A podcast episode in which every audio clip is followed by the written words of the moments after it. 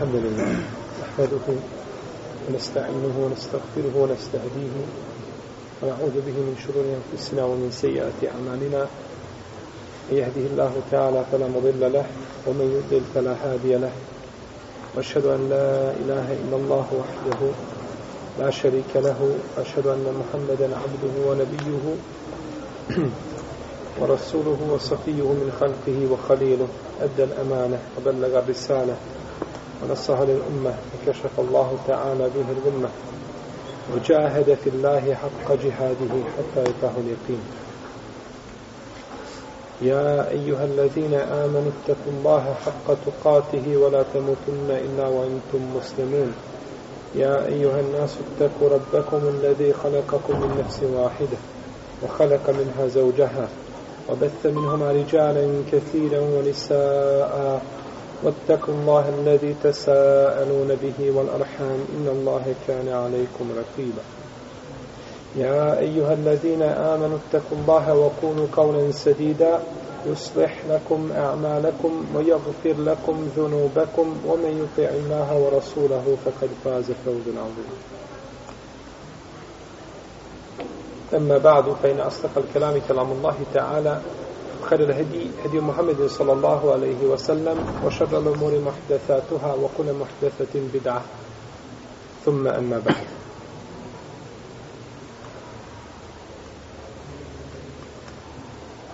suđudu šukr je naredni naslov kojim je autor nastavio govoriti u poglavlju namaza.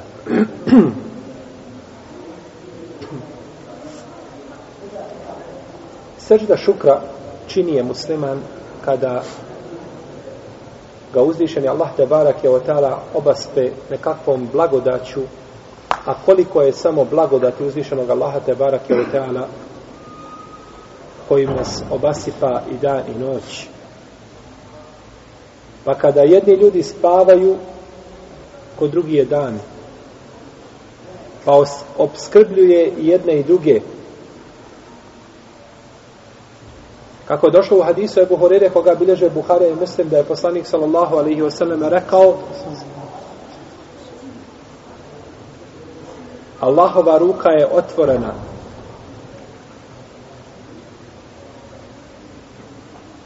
Jedu Allahi al-mel'a. Otvorena sipa i dan i noć.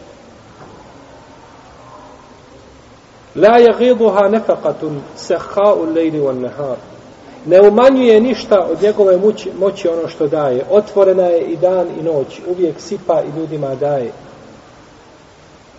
Vidite li koliko je uzvišeni Allah za dao ljudima ili koliko im daje od kako je stvorio nebesa i zemlju, to nije umanjilo od njegove moći nikoliko kada se igla u more stavi. Pa se suđ, e, sežda šukra čini kada čovjeka zatekne neka blagodat ili kada uzvišeni Allah te barake od tala ga sačuva nekakve nevolje ili nedaće koja bi ga mogla zadesiti. Znači u ta dva slučaja.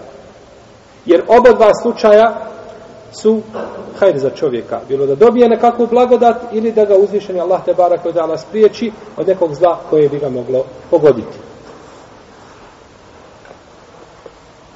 Propisana je ili legitimna sežda šukra u šarijatu i vama je svima poznata priča poznatoga sahaba Kaaba ibn Malika koga je uzvišeni Allah te barake od tala ukorio u Kur'anu zbog toga što je izostao iza bitke na Tebuku. Pa je 40 dana taj ukor trajao, ništa nema. Niko im selam ne smije nazvati pa je došao kod svoga Amidžića Ebu Katade, pa kaže, o Ebu Katade, tako ti Allaha, ti znaš da ja volim Allaha i poslanika. Pa je rekao, Allahu a'lam, okrenuo svoju glavu i kaže, Allah zna. Pazite, čovjek samo jedan prijestup napravio cijelo društvo u tome, znači, tadašnjem medinskom društvu ili stanovništvu se izoliralo od njih, čak im ni selam ne nazivaju. Pa je tako 40 dana trajalo Pa sam, kaže, jedno jutro klanjao sabah namaz na krovu moje kuće i ostao sjediti, kaže, do glasnik nije naišao i kaže, o Kjab, raduj se najljepšem danu od kako te je majka rodila. Pa je uzvišen je Allah te barak tala oprostio kaže nisam imao ništa nego sam otišao pozajmio odjeću pa mu dao kao hediju tome glasnik koji mu je javio i ušao sam kaže u džamiju pa mi je ustao Ebu Talha prišao i zagrlio me kaže i to mu nikada neće zaboraviti pa sam pitao Allahov poslaniče je li to od tebe ili od Allaha Vjerujem svakako Allahom poslaniku sallallahu alaihi sallam, no međutim srce mu je smireno ako je to došlo od koga? Od Allaha za ođel, pa kaže bel min Allahi ta. To je od Allaha za ođel došao tebi oprost. Kaže, pa sam učinio seđdu šukr. Prvi put kada je čuo glasnika, kaže, učinio sam šta? Seždu? Šuka. Pa odatle nam znači, dolazi da je sežda šuka legitimna u u šarijatu. I došlo je hadisa jako puno i više od deseta sahaba prenosi hadise o seždi šukra i kaže autor da svi ti hadisi imaju mahanu u svom lancu prenosilaca. No, međutim, vidjet ćemo kasnije da možda ove riječi nisu, nisu potpuno precizne. Ili da kažemo postoji ovaj mogućnost pojačavanja tih predaja. I ovdje kaže autor da je skupina tih hadisa da ukazuju da sežda šukra ima svoju legitimnost. Pa je spomenuo ovdje samo hadis Ebu Bekra radijallahu anhu. To nije Ebu Bekr. Ebu Bekr je jedno, a Ebu Bekra je drugo. To su dva različita sahaba. Kaže da je poslanik sallallahu alejhi kada bi mu došao nekakav hajr ili nekakva radosna vijest pao bi Allahu na seđdu. Pao bi Allahu na seđdu. Ovo bilježi Ebu Davud i imam Tirmizi, Ibnu Mađe. I neka ulema kaže da je ovdje, da je seždu šukra bolje činiti i stojećeg položaja. Zašto? Ko zna? Ja sam prošli put jedno pitanje zadao, tako? Je neko našao odgovor? Ti samo, ima li još neko? Ja sam bio s njim, kad je to... Vas dvojica bilo skupa. Znači, ti si kao onaj koji nosi misk, ili ćeš, ovaj, ili će te namirisati, ili ćeš osjeti lijep miris. Fino. Još neko je pokušao? Vezano za ovo pitanje sad. Nije za ovo sad, za ono neko drugo. Za vrijeme. Niko nije. Dobro. Hajde vidimo će vas se još spasiti. Reci. Ja sam čuo tri verzije. Koja je najvredostojnija kod tebe? Pa da zavisi od adeta. Od adeta. Dobro, šta je Od druga verzija? adeta. Čuo sam da je Imam Ahmed govorio da kaže može biti razdaljena ukoliko je čovjek koliko mu treba da uzme abdest.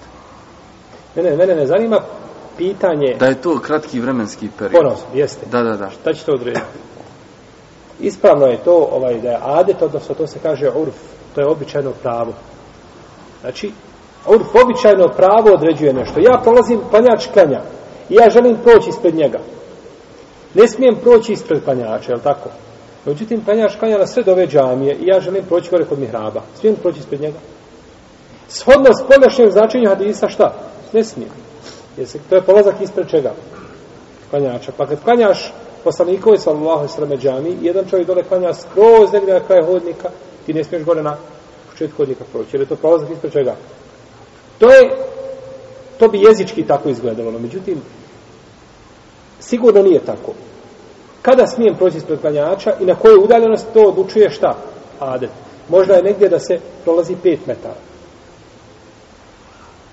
A negdje ne može biti ni 10. Znači, adet je taj koji odlučuje, odnosno, običajno pravo, da li sam ja u tome slučaju od onih koji je prošao ispred klanjačem, nisam. Pa ako znaš da će te onaj stari djedo povući za uho kad, kad te vidi napolju, znaj da si šta načinio? Prestup. U protivnom niko neće gledati ako prođeš ispred njega na određenoj razini. Tako da je običajno pravo reguliše ono što nije regulisalo šta? Šarijat. I to je ostavljeno da urf ili običajno pravo bude jedan od legitimnih, ne osnovnih i samostalnih, već pratećih izbora čega? Šerijata. Znači, to je urf.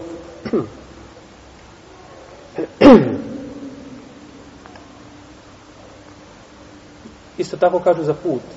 Čovjek putuje. Je li putnik? Kažu shodno običajnom pravu. Shodno običajnom pravu. Pa kada bi kazao nekome od stanovnika Sarajeva, ja idem ujutru na put, kaže, kuda ideš? Kaže, idem u visoko. Kaže, kakav je to put? Ja svaki dan po pet puta odem do visokog i vratim. To nije nikakav šta.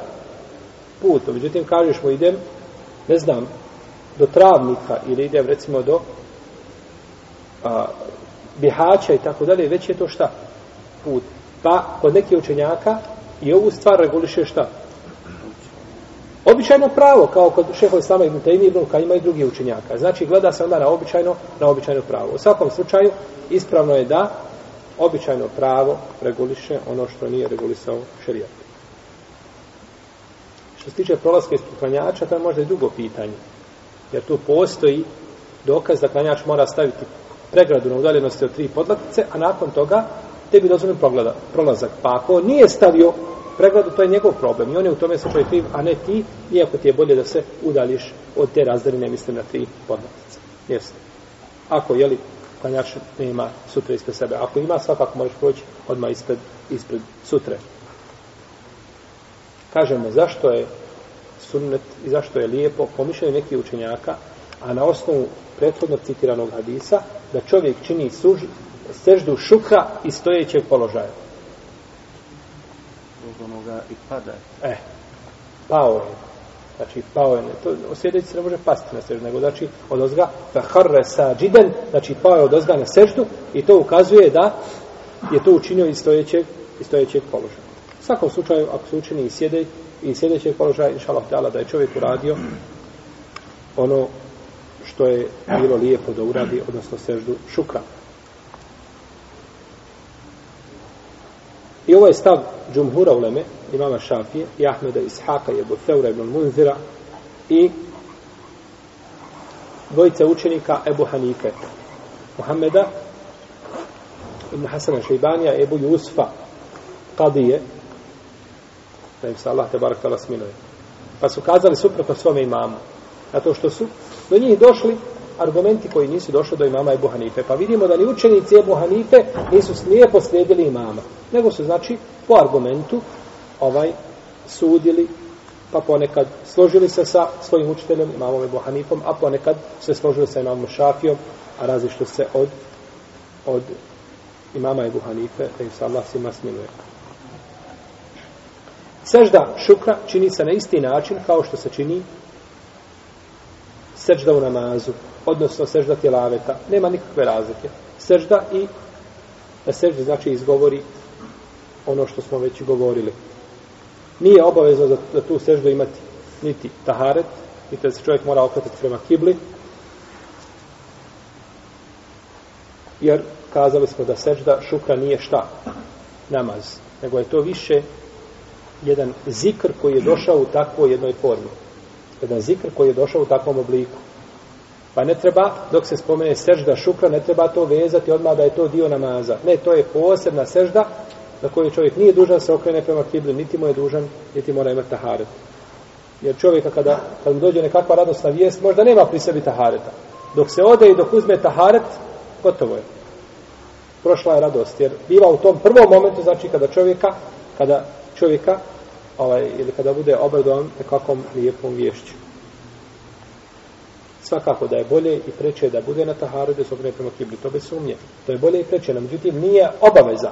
Ako uradi suprotno tome neće biti griješan i bit će nagrađen za svoju šta seždu šukra. Isto tako nije zabranjena da se čini u zabranjenim vremenima. U zabranjenim vremenima ne smije se činiti znači namaz, A sežda šukra može. I sežda tilaveta. Zašto? Ko će mi kazati? Zato što nije namaz. To što nije namaz. Ne? To je još jedno okaz znači da ne pripada šta? I da to nije sastavni dio, da nije sastavni dio namaza. Čovjek se nalazi u namazu znači, klanja i dođe i čuje radosnu vijest. Može li u namazu učiniti seždu šukra i potom se dići nastaviti namaz? Ispravno je mišljenje kod učenjaka da ne može. Da bi mu to pokvarilo njegov šta? Da bi to pokvarilo njegov namaz. Ako bi čovjek u namazu, klanja u namazu, podne je stao da klanja u svojoj kući i čuje tamo preko telefona ovaj, da je osoba koja je bila u životnoj opasnosti, van životne opasnosti, tako dalje, ili bilo koji drugi lep haber, da uči seždu šukra, to bi mu pokvarilo njegov namaz. Osim, Allahu dragi, ako bi čovjek zaboravio i zaborava da padne na tolika radost, znači sve zaboravio i pao na seždu, ili ako bi bio džahil, neznalica, jer to su stvari koje je skrivene ljudima, možda u tom slučaju da postoji mogućnost da kažemo da to neće pokvariti namaz, u protivnom bi osnova je da bi to kvarilo namaz.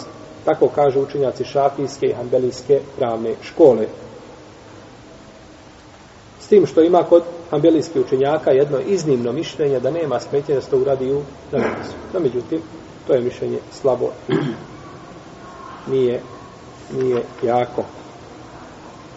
Autor nije više ništa spominjao po pitanju sežde šukra, niti šukra općenito, ograničio se, znači, čisto na a, ovaj tikski dio, pa ćemo mi, inša Allah, nešto dodati mimo ovoga, a tiče se šukra i tiče, tiče se, inša Allah, sežde, sežde šukra.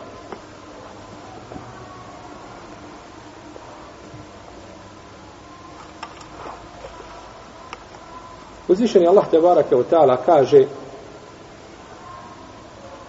وَإِزْدَأَذَّنَ رَبُّكُمْ لَإِنْ شَكَرْتُمْ لَيَزِيدَنَّكُمْ وَلَإِنْ كَفَرْتُمْ إِنَّ عَذَابِ لَشَدِيدٌ I kada je vaš gospodar objavio ako mi budete bili zahvalni ako mi šukur budete činili ja ću vam povećati vaše blagodati a ako budete nezahvalni na mojim blagodatima pa u istinu moja kazna je žestoka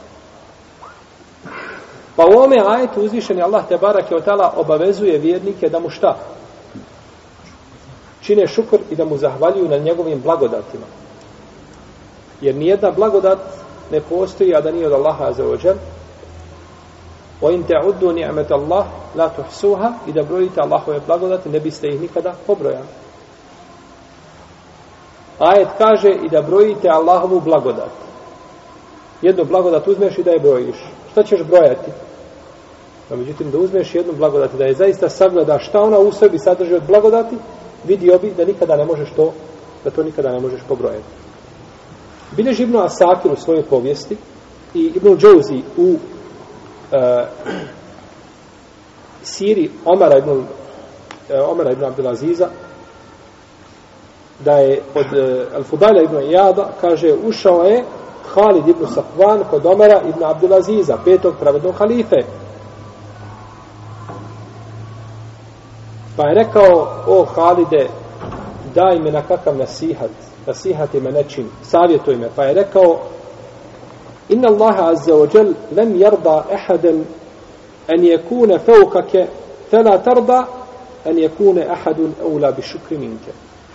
Kaže, o Omara, a on je vladar muslimana, ili emirul mu'minin, vladar pravovjernik, kaže, o Omare, Allah nije odabrao nikoga da bude iza tebe. Znači ti si vladar muslimana, ti si prva knjih, pa kaže nemoj dozvoliti da iko bude preći od tebe da Allah zahvaljuje. Da Allah zahvaljuje zato što te odabrao da budeš prvak muslimana.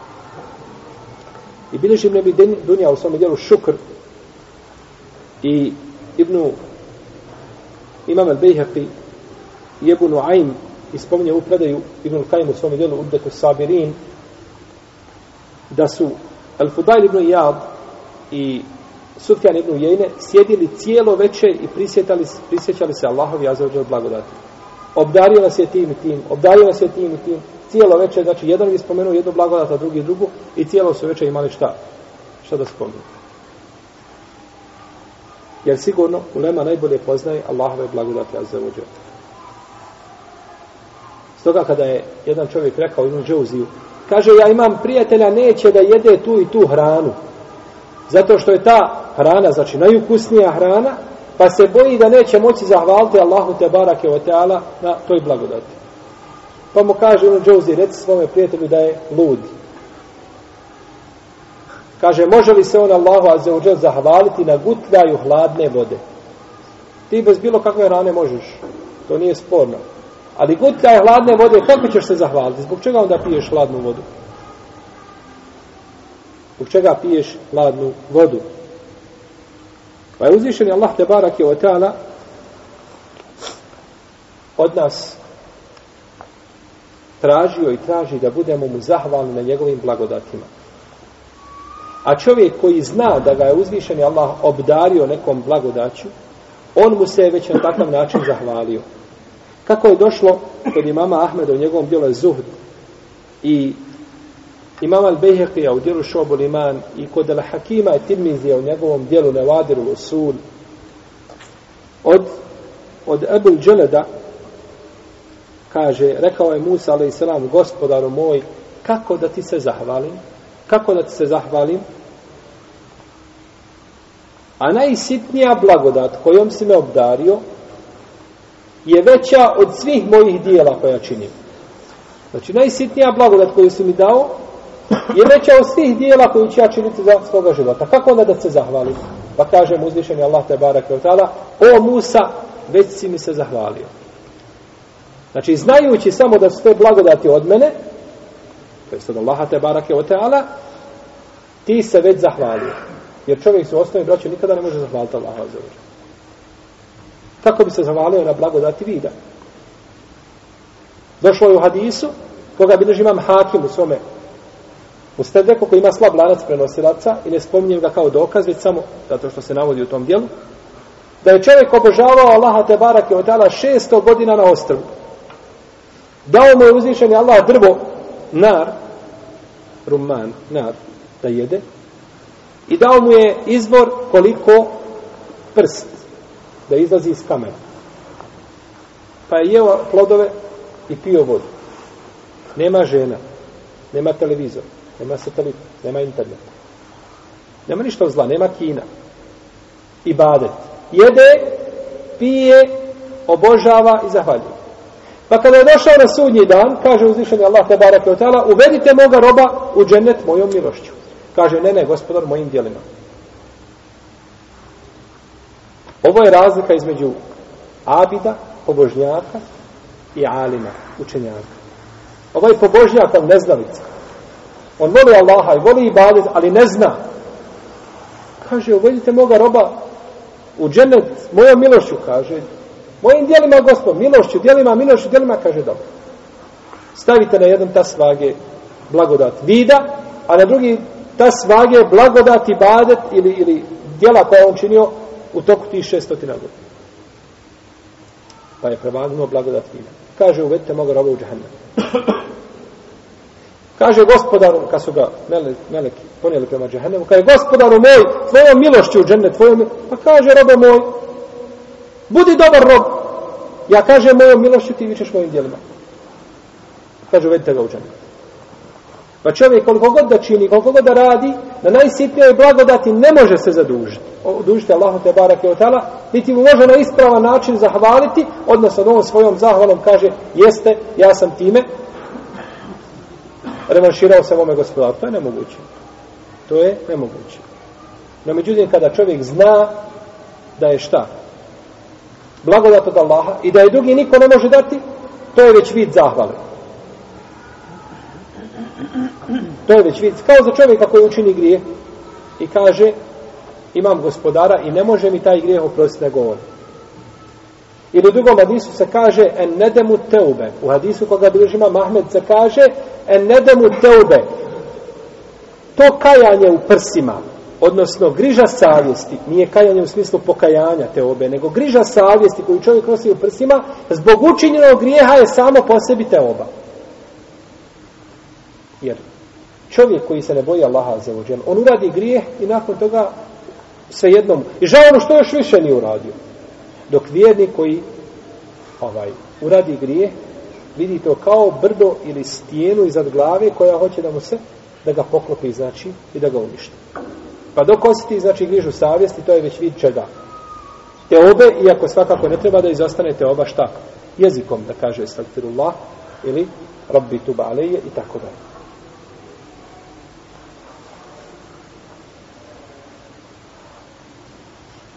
Pa je znači nemoguće vjerniku muslimanu da se zahvali Allahu te barak i ta'ala i najsitnijoj blagodati koju mu je dao, ali znajući da ste blagodati od stvoritelja te barak ta'ala, sigurno da je to vid zahvale. Bileži Ebu Šejh u svome dijelu tabakatu al-muhaddithin bi Asbahan od Hasan al-Basrija da je rekao rekao je Davud alaihissalam poslanik gospodaru moj kada bi svaka moja dlaka na mome tijelu imala dva jezika i slavila te i hvalila te i veličala te i zahvaljivala ti i dan i noć ti jezici svi govorili kaže ja ne mogu da ti se zahvalim ni najsitnije, na najsitnijoj šta? Blagodati kojom si me obdario pogledajte znači kako su poslanici Allahovi te barak je otala, svakako ako se ove predaje vjerodostane su došle ne putem poslanika sallallahu alaihi selleme, no međutim dosta se puta prenose znači od Selefa o Davudu alaihi sallam i o Musao i o drugim poslanicima. Došao je čovjek od Junusa ibn Ubejda pa mu se počeo žaliti kako u teškoj situaciji, teškom stanju, pa mu kaže šta imaš? Kaže nemam ništa. Kaže mu, Šta misliš kada bi ti neko dao 100.000 dirhema za tvoj vid? Bili ga dao? Kaže, ne bi profesor Pa 100.000 dirhema za tvoje ruke? Ne bi. Pa 100.000 dirhema za, za blagodat govora? Nikako. 100.000 dirhema za noge tvoje? Nikako. Kaže, subhanallah, čudan je primjer čovjeka koji ima stotine hiljada dirhema pri sebi i žali se da nema ništa. I žali se da nema ništa. Ovu predaju zabilježio Ibn Ređep u svome dijelu Džamija Ulum i spominje isto tako Ibn Kudame u svome dijelu Muhtasaru El Minhaj. Imam Ibn Hibban je zabilježio jednu čudnu predaju u svome dijelu Ethikat od imama Eleuzaije da je rekao Abdullah ibn Muhammed. Kaže, išao sam jednog dana pored obale mora I čuo sam, kaže, čovjeka u jednom šatoru malom, kako govori, kaže, gospodaru moj, tebi hvala na blagodatima na kojim si me, kojim si me obskrbio i što si me odlikovao na svim ljudima na svijetu, da niko nema ono što ja imam. Kaže, subhanallah, da vidim toga čovjeka koji ima ono što niko nema. Kaže, pa sam ušao u taj šator i vidim čovjeka, leži, nema ruku, i nema nogu. Jako teško čuje a ništa ne vidi. Pa kaže nema od svojih organa što mu koristi nego jezik. To je jedini organ koji mu koristi. Drugo ništa ne koristi. Jedva čuje, ne vidi ništa nema ruku, nema nogu. Kaže pa sam mu rekao Allahov robe, o kakvim blagodatima pričaš? Kakve blagodati spomiješ a ti u stanju kakvom jesi? Kaže Zar ne vidiš, kaže, da je uzvišen Allah mogao poslati brdo da me prekrije i more da me potopi i mogao je narediti zemlji da me proguta i mogao je narediti vatri s neba da me spali a on mi je ostavio ovaj jezik da sa njim zahvaljam Allahu kako da ne budem u blagodatima. No međutim kada si već došao kod mene kaže ovaj iskušani rob kaže Abdullah ibn Muhammed kako nam spominje imam Al-Uzai kaže, ja imam kod tebe jednu potrebu. Ja sam, kaže, imao pored mene sina, malo, dijete, jeli, koji me je služio, kada bi došlo vrijeme namaza, on bi mi uzeo abdest. Kada bi bio gladan, on bi me nahranio. Kada bi bio žedan, on bi me napojio. No, međutim, već tri dana se ne pojavljuje. Već tri dana se ne pojavljuje. Možeš li pogledati gdje je? Jer ja sam potreban toga djeteta. Kaže, pa sam rekao, subhanallah, ne može čovjek na zemlji da nekome učini dobročinstvo, da ima nagradu kao onaj koji tebi čini, čini dobročinstvo zbog stanja u kome se nalaziš. Kaže, pa sam odmah izašao da potražim dječaka. Kaže, nisam daleko odmakao od šatora, kaže, vidio sam, kaže, između grmlja, da je dječak sav rastrgan, da su ga rastrgale divlje zvijeri. A došlo u jednom hadisu od poslanika, sallallahu alaihi sallame, iako možda ima prigovor lancu prenosilaca, ali šeh Albani ga je prihvatio, sam vidio u džamija, koliko se sjećam, da čovjeka koga rastrgaju divlje zvijeri da je šehid. Da spada kao onaj koji se utopi i onaj koji a, na koga se sruši krov njegove kuće i onaj koji umre od stomačne bolesti i žena koja, koja je u nifasu i tako dalje. Znači došla je skupina ljudi čovjek koji se utopi jeli, i a, da ulaze u tu skupinu šehida.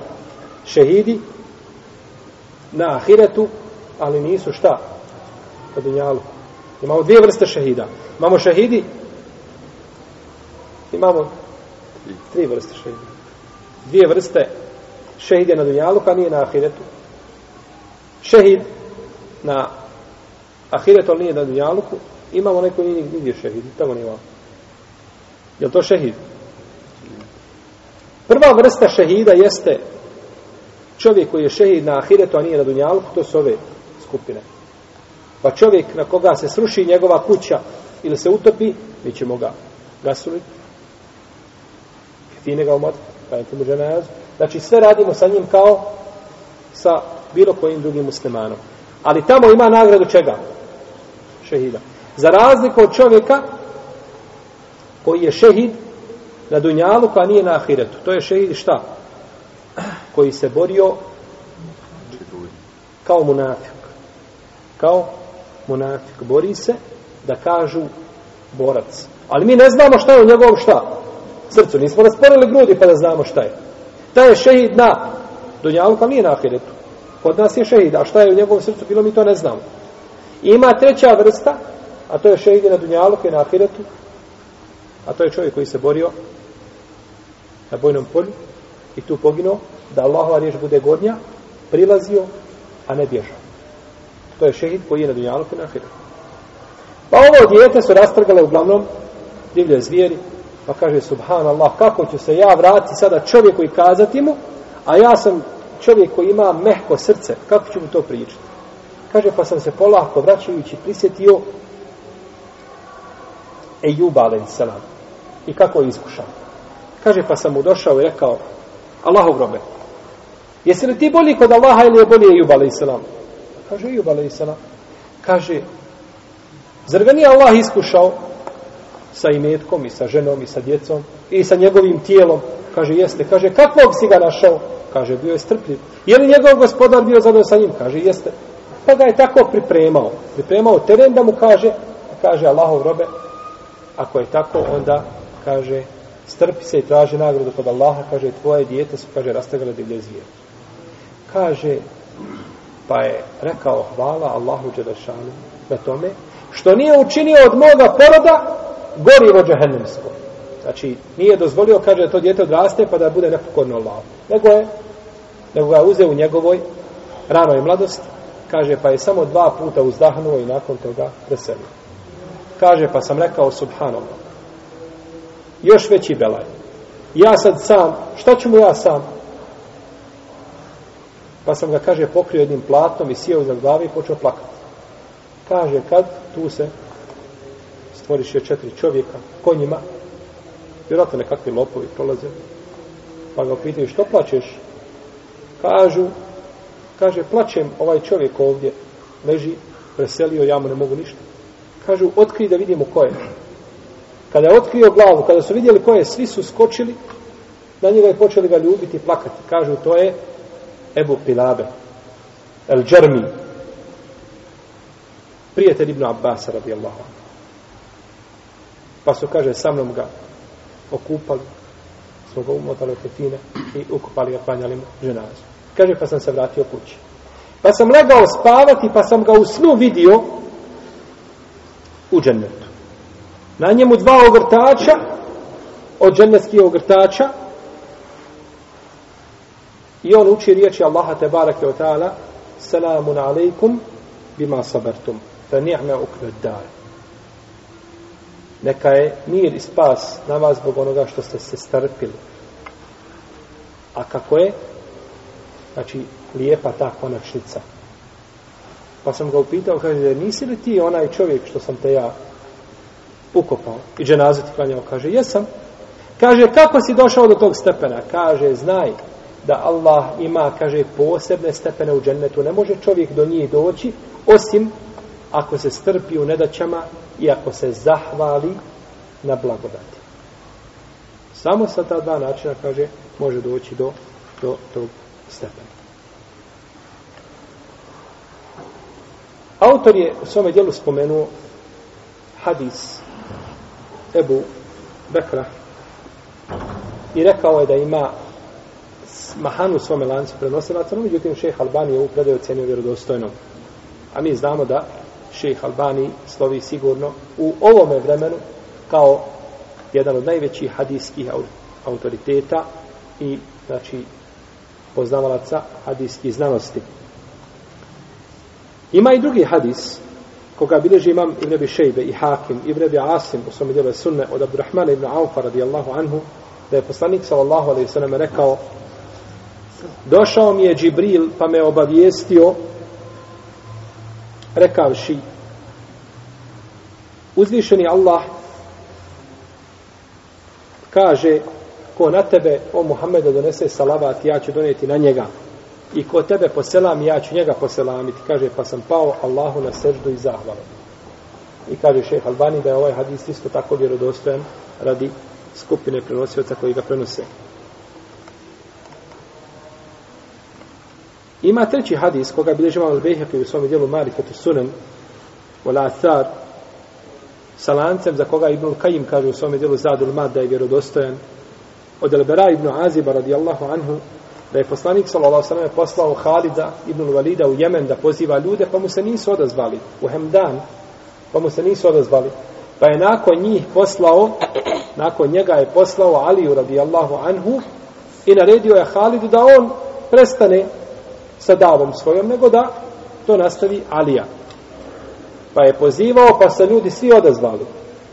Pa je rekao poslanik sallallahu alejhi ve selleme učinio Allahu seždu šukra zahvale i rekao je Esselamu ala hamdan, Esselamu ala hamdan. Imate jako puno učenjaka koji se zove El Hamdani. Ima El Hamdani, ima El Hamdani. El Hamdani je iz Jemena. On je iz Jemena. To je Hamdan, pleme koje je primilo Islam nakon što je došao Alija radijallahu ta'ala anhu. Ispominje se od skupine ashaba i tabina da su učinili seždu šukra. Imam preko 40 različitih predaja od ashaba i tabina koji su činili seždu šukra. No, međutim, ja spomenuti neke samo od njih da ne bi a, ovaj izgledalo da smo mi dužih vratova od autora dijela koje, na koje dajemo komentar. Pa ćemo spomenuti samo par tih predaja od znači, ashaba koji su činili seždu šukra. Bileži Ibn Sad imam Ennesai u svom dijelu Hasaisu Ali. Imam Šafija u svom dijelu Um El Um majka. Jel, da je Alija radijallahu ta'ala anhu činio seždu šukra. Da je Alija činio seždu šukra. Ovo spominjemo kao argument pored ovih hadisa da vidimo da je to bila praksa najboljih generacija muslimana, najbolje generacije muslimana i ne znam da ima iko od ashaba pa ni tabina da je osudio seždu šukra i da je kazao da to da ne postoji. Od ashaba sigurno nema. A ne mislim da imaju tabina. Pa je Alija radijallahu ta'ala učinio seždu šukra. A Alija je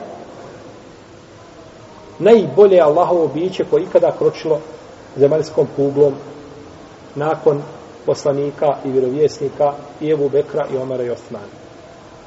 Nema, znači, osobe da je bolja od Alije radijallahu ta'ala anhu, iako ima učenja kod ehlu sunneta koji kažu i daju prednost Ali nad Osmanom. No, međutim, ispravno je da je Osman radijallahu anhu bolji od Alije, iako po pitanju Alije imamo hadise o njegovoj vrijednosti i njegovim odlikama, da ne imamo ni u jednom drugom ashabu.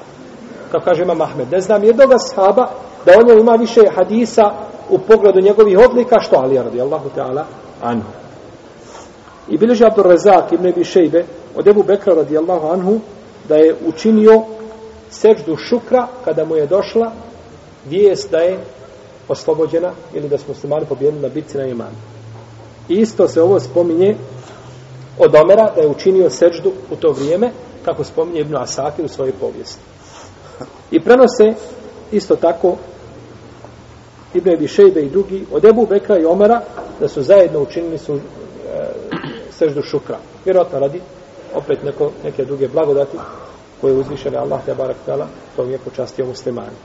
I tako navode se brojne predaje od drugih ashaba i tabijina, znači o seždi šukra, inša Allah da je sežda šukra utemeljena u šarijatu a, i da učenjaci koji su kazali da nema svoje osnove, da je njihovo mišljenje slabo, jer to potvrđuje sunet poslanika sa osnove i praksa najbolje, najbolje generacije muslimana. Kažemo o seždi šukra se je moglo a, i o, o šukru općenito puno govoriti, no međutim, a, budući da je naša tema fik, nećemo znači, ulaziti puno u rekajko, osim onoga što smo spomenuli, moleći Allah te barake teala da nas učini od sebi, od njemu zahvalnih te barake od teala robova i da nas proživi u društvu zahvalnih, u društvu sa našim poslanikom, sallallahu alaihi wa sallame, i njegovim ashabima, Ebu Bekrom, i Omarom, i Osmanom i Alijom, i Muavijom, radi Allah ta'ala anhum ijma'in, i dobrim iskrenim šehidima, a su oni društvo. Allahu ta'ala ala sallallahu ala nabina Muhammed, wa ala alihi, wa ashabihi. Ko ima paću pitanja vezani za ovu temu, ili mimo, mimo teme, dobro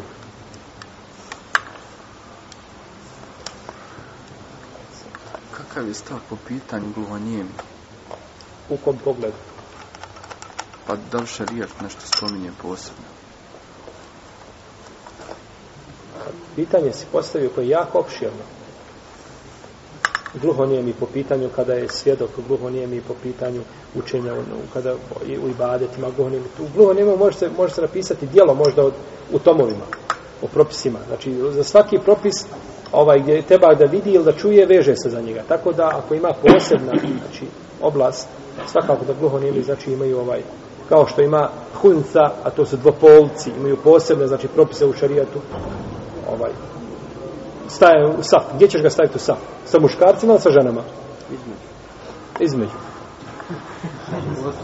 U svakom slučaju, znači, postoji razilaženje to među remom. Neki kažu, ako više teži ženama, ide ženama. Ako više, on je dvopolac, no međutim, više teži čemu?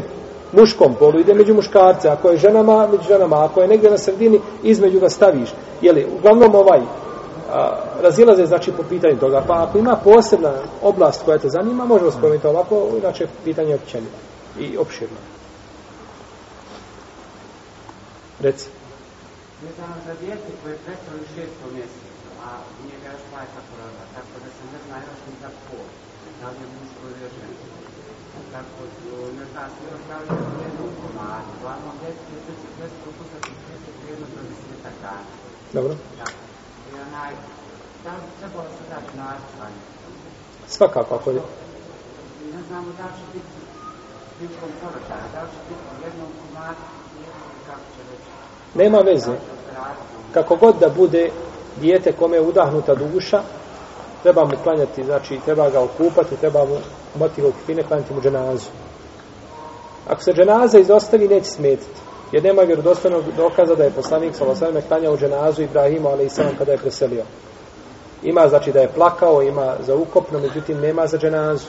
Tako da neka olema kaže, ako se ne klanja dženaza, djeto koje nije rođeno, koje je znači preselilo prije vremena, ovaj, ili, ili dijete općenito malo, kažu neće smetiti. No, međutim, da, mu se, da se okupa i da se mota u kefine da se kaže ženaza, sve to ne smeta i sve je to ovaj, pohvalno.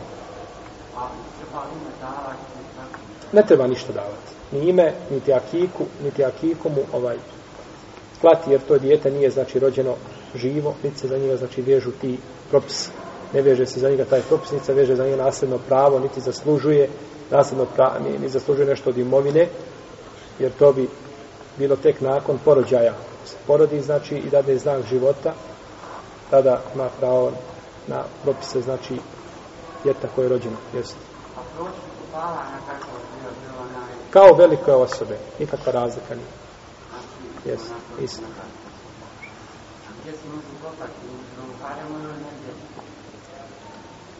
U muslimanskom mezarju. Znači, gdje muslimani, kakvom haremu misliš? Gdje. Mezarju, da. Ja sam se da ne bi otišao na harem nekakve džamije da se negdje ukopa. To ne, tu ne smije, nego znači u mezarju. Gdje god da ga ukopaš u mezarju gdje su muslimani, kaj li bereket inša. Allah. Propis doticanje desnom rukom spolnog organa. Propis doticanja s polnom rukom desnog organa. Došla je zabrana u sunetu poslanika, s.a.v.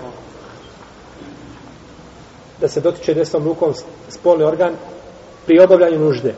Tu je došla zabrana. Da li ta zabrana vedi općenito ili samo pri obavljanju nužde, to je razilaženje među lemom. Tu je razilaženje među lemom. Hadis je došao, zabranjuje pri obavljanju nužde. I nema jasnog argumenta koji brani mimo toga. Ako bi čovjek se klonuo od toga, bilo bi bolje. Tada bi sigurno ne bi pogriješio. No, međutim, ovaj, kažemo, nema jasnog argumenta da je zabranjeno mimo vršenja nužde docati stida mjesto desnom rukom. Otkrivanje žene pred dajđom i anđom. Od- Otkrivanje žene. Da li se žena smije otkriti pred svojim dajđom ili svojim amidžom? Smije. Žena se smije otkriti pred dajđom ili amidžom, znači smije mu pokazati sve ono što smije pokazati svome babi ili svome sinu ili svome bratu. Jer oni su njoj mahremi, trajni, zabranjeno je za brak. Pa može pokazati sve, znači, može pokazati dijelove tijela na kojima se nose ukrasi. Znači sve na čemu se nose ukrasi može. Odnosno, može pokazati dijelove uzimanja abdesta i malo više od toga. Pa da pokaže, znači, ruku do pola nadlaktice, da pokaže kosu cijelu i vrat, ovaj ovdje dio gornji, ne znači dekoltirano nešto, nego se vrat, gornji dio gdje se nosi šta? Nakit. Da pokaže potkoljenice, do pola potkoljenice, malo više od toga, jer se i na tom dijelu nose šta? Ukrasi koji su zveketali, jeli, nekada se nosili, danas možda manje, ovaj, to znači može pokazati, s tim da nije u tijesnoj odjeći, i nije prozirnoj odjeći, jer znači da bude odjeća nekakva, u, u, znači, ovaj, široka i da, je, da, da nije providna. Jeste, komotno. Kakav je islamski stav po pitanju muzike? pitanju muzike. Pa nije dozvoljeno u islamu, znači po, po islamskim kriterijima ili propisima nije dozvoljeno slušati muziku. Bilo kakve vrste. Bilo se radi o narodnoj, zabavnoj, čak i lahije koje imaju muziku, ni to nije dozvoljeno slušati. A, jer uzvišeni Allah ka, kaže وَمِنَ النَّاسِ مَنْ يَشْتَرِ لَهْوَ الْحَدِيثِ وَيُضِلَّ عَنْ سَبِيلِ اللَّهِ بِغَيْرِ عِلْمِ Ima ljudi koji kupuju lehval hadis da bi ljudi odvratili sa pravog puta bez znanja. Kaže Ibn Mesaud da je lehul hadith ovdje da je muzika. Tri puta se zapravo na Allahu da je to muzika. I poslanik s.a.v. je rekao da će biti ljudi koji će ohalaliti svilu za muškarce. I nemoral.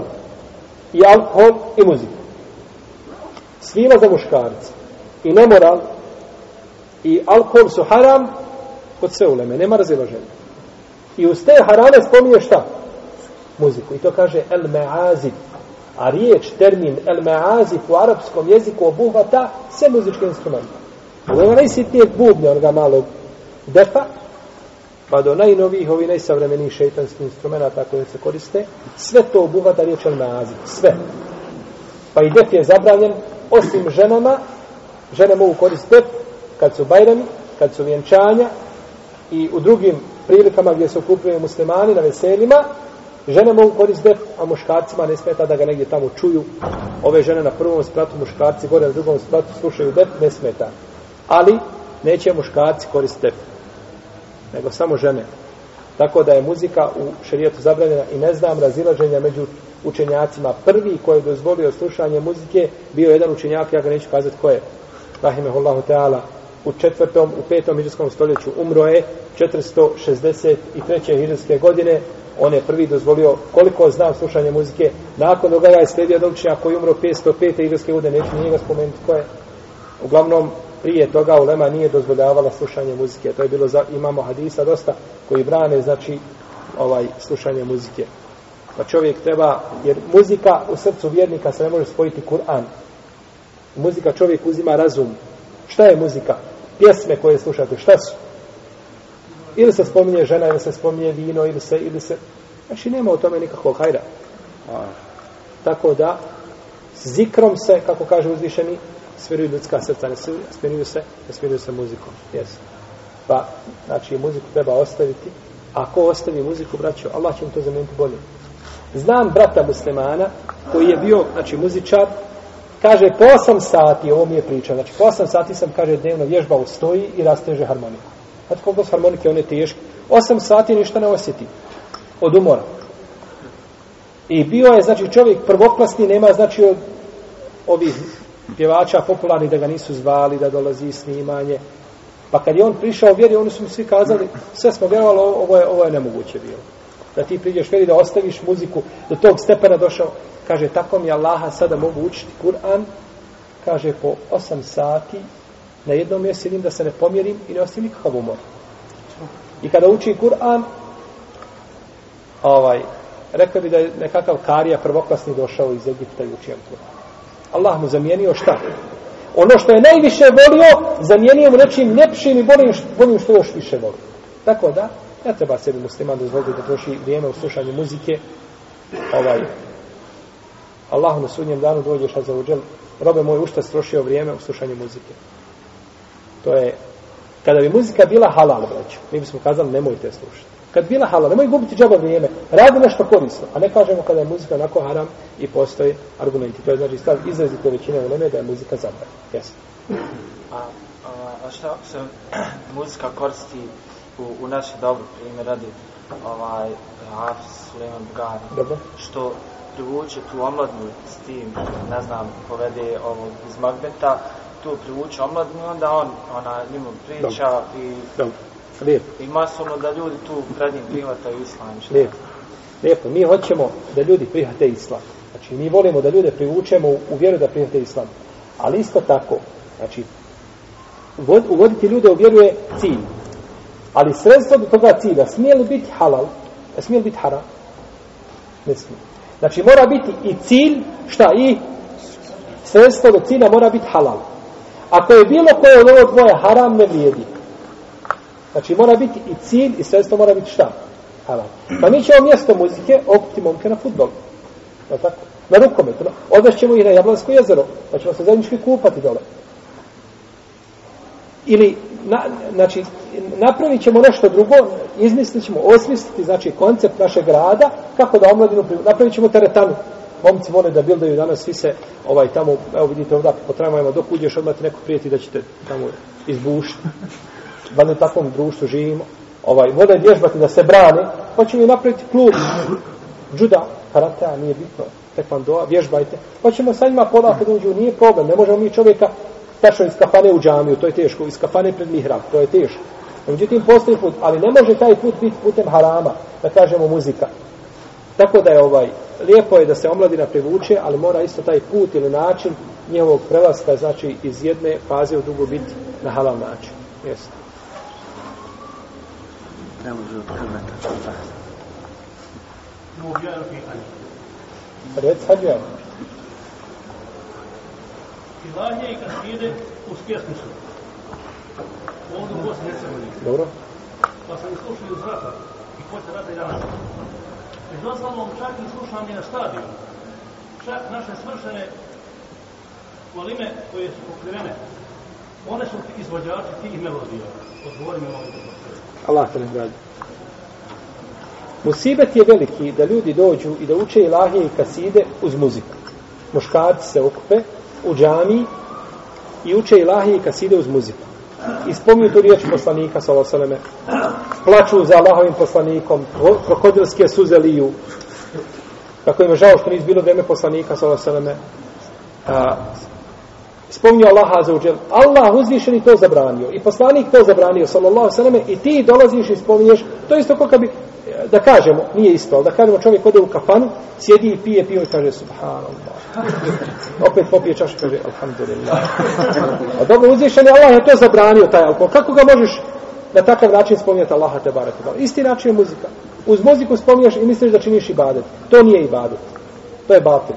To je musibet. Ali je musibet na kvadrat, musibet na desetu, to je kad žene iziđu i poredaju se i uče one ilahi. I još se namazu, asfaltiraju se, Allah zna koliko treba im voda da se peru. I iziđe onaj i učim ilahije. To nije bila praksa prvi generacija. I to je batil. Kogod kaže da je to ispravno, to je pogrešno i to ne treba raditi. To je zabranjeno. Tako da svi oni koji to radi i koji to organizuju, bit će pitani zbog toga. Jer je, jer je to stvar koja je zabranjena. Ilahi, kad se ide žene, neka uče, neka okupe se žene u centru za o, edukaciju žena, učite žive bile dok, dok glas ne izgubite. Tako muškar, no međutim, da žene izlaze pred muškarce, da sjedaju i a, ovaj horovi nekakvi žena i tako dalje, to je zabranjeno.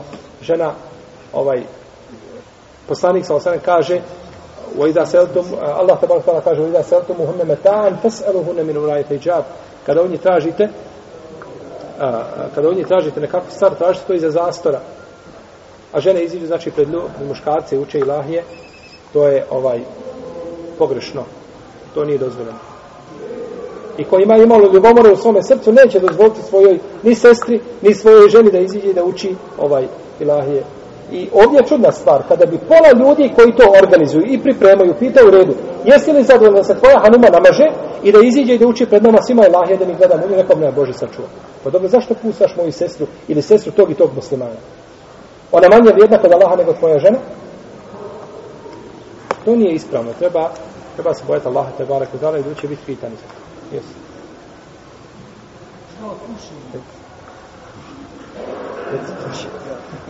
Dušu me jedan dalje pita, ima jedna me vjernica, otac kako on kaže, ne vjerni koji je musliman, da ima stan koji treba naslijediti.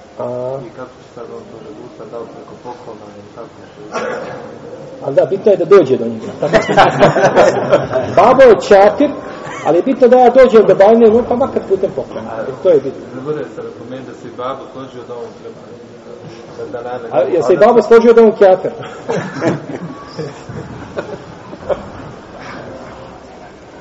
Šta je ovo? Ko je rekao nešto? Pušenja. Pušenje je, pušenje je štetno za muslimana. Šteti njegovom zdravlju i šteti njegovim metku i uznemirava meleke i uznemirava ljude. I pogledajte danas, ne znam, Alima današnjice, koji je Alim od koga se uzima da je rekao da je pušenje dozvoljeno. Pazite. A vas je ovdje ne znam koliko popravite me. Je li ko čuo od Alima koji je danas Alim današnjice i poznaje ove, a, ove medicinski napredak, da je otkrio koliko pušenje šteti, a da je rekao da je pušenje halal. Čak šeh Kardavi koji ima mekše fetve u odnosu na mnogu ulemu po mnogim pitanjima, kaže da je pušenje haram. Jasni argumenti šerijetski ukazuju na to da je pušenje haram, da je zabranjeno. Tako da ovaj ne treba musliman pušiti. Kada bi čovjek uzeo, izišao na ulicu, braću, i uzeo 50 maraka i zapalio ih i ovako drži gore, šta biste kazalo njemu? Da je da ne zna koliko je sati, je tako? Najmanju ruku. Zato što je zapalio i metak. A Ulema kaže, ko bi napravio džamiju na mjestu gdje nema ljudi, nema ko klanjati, kažu takvog treba kazniti.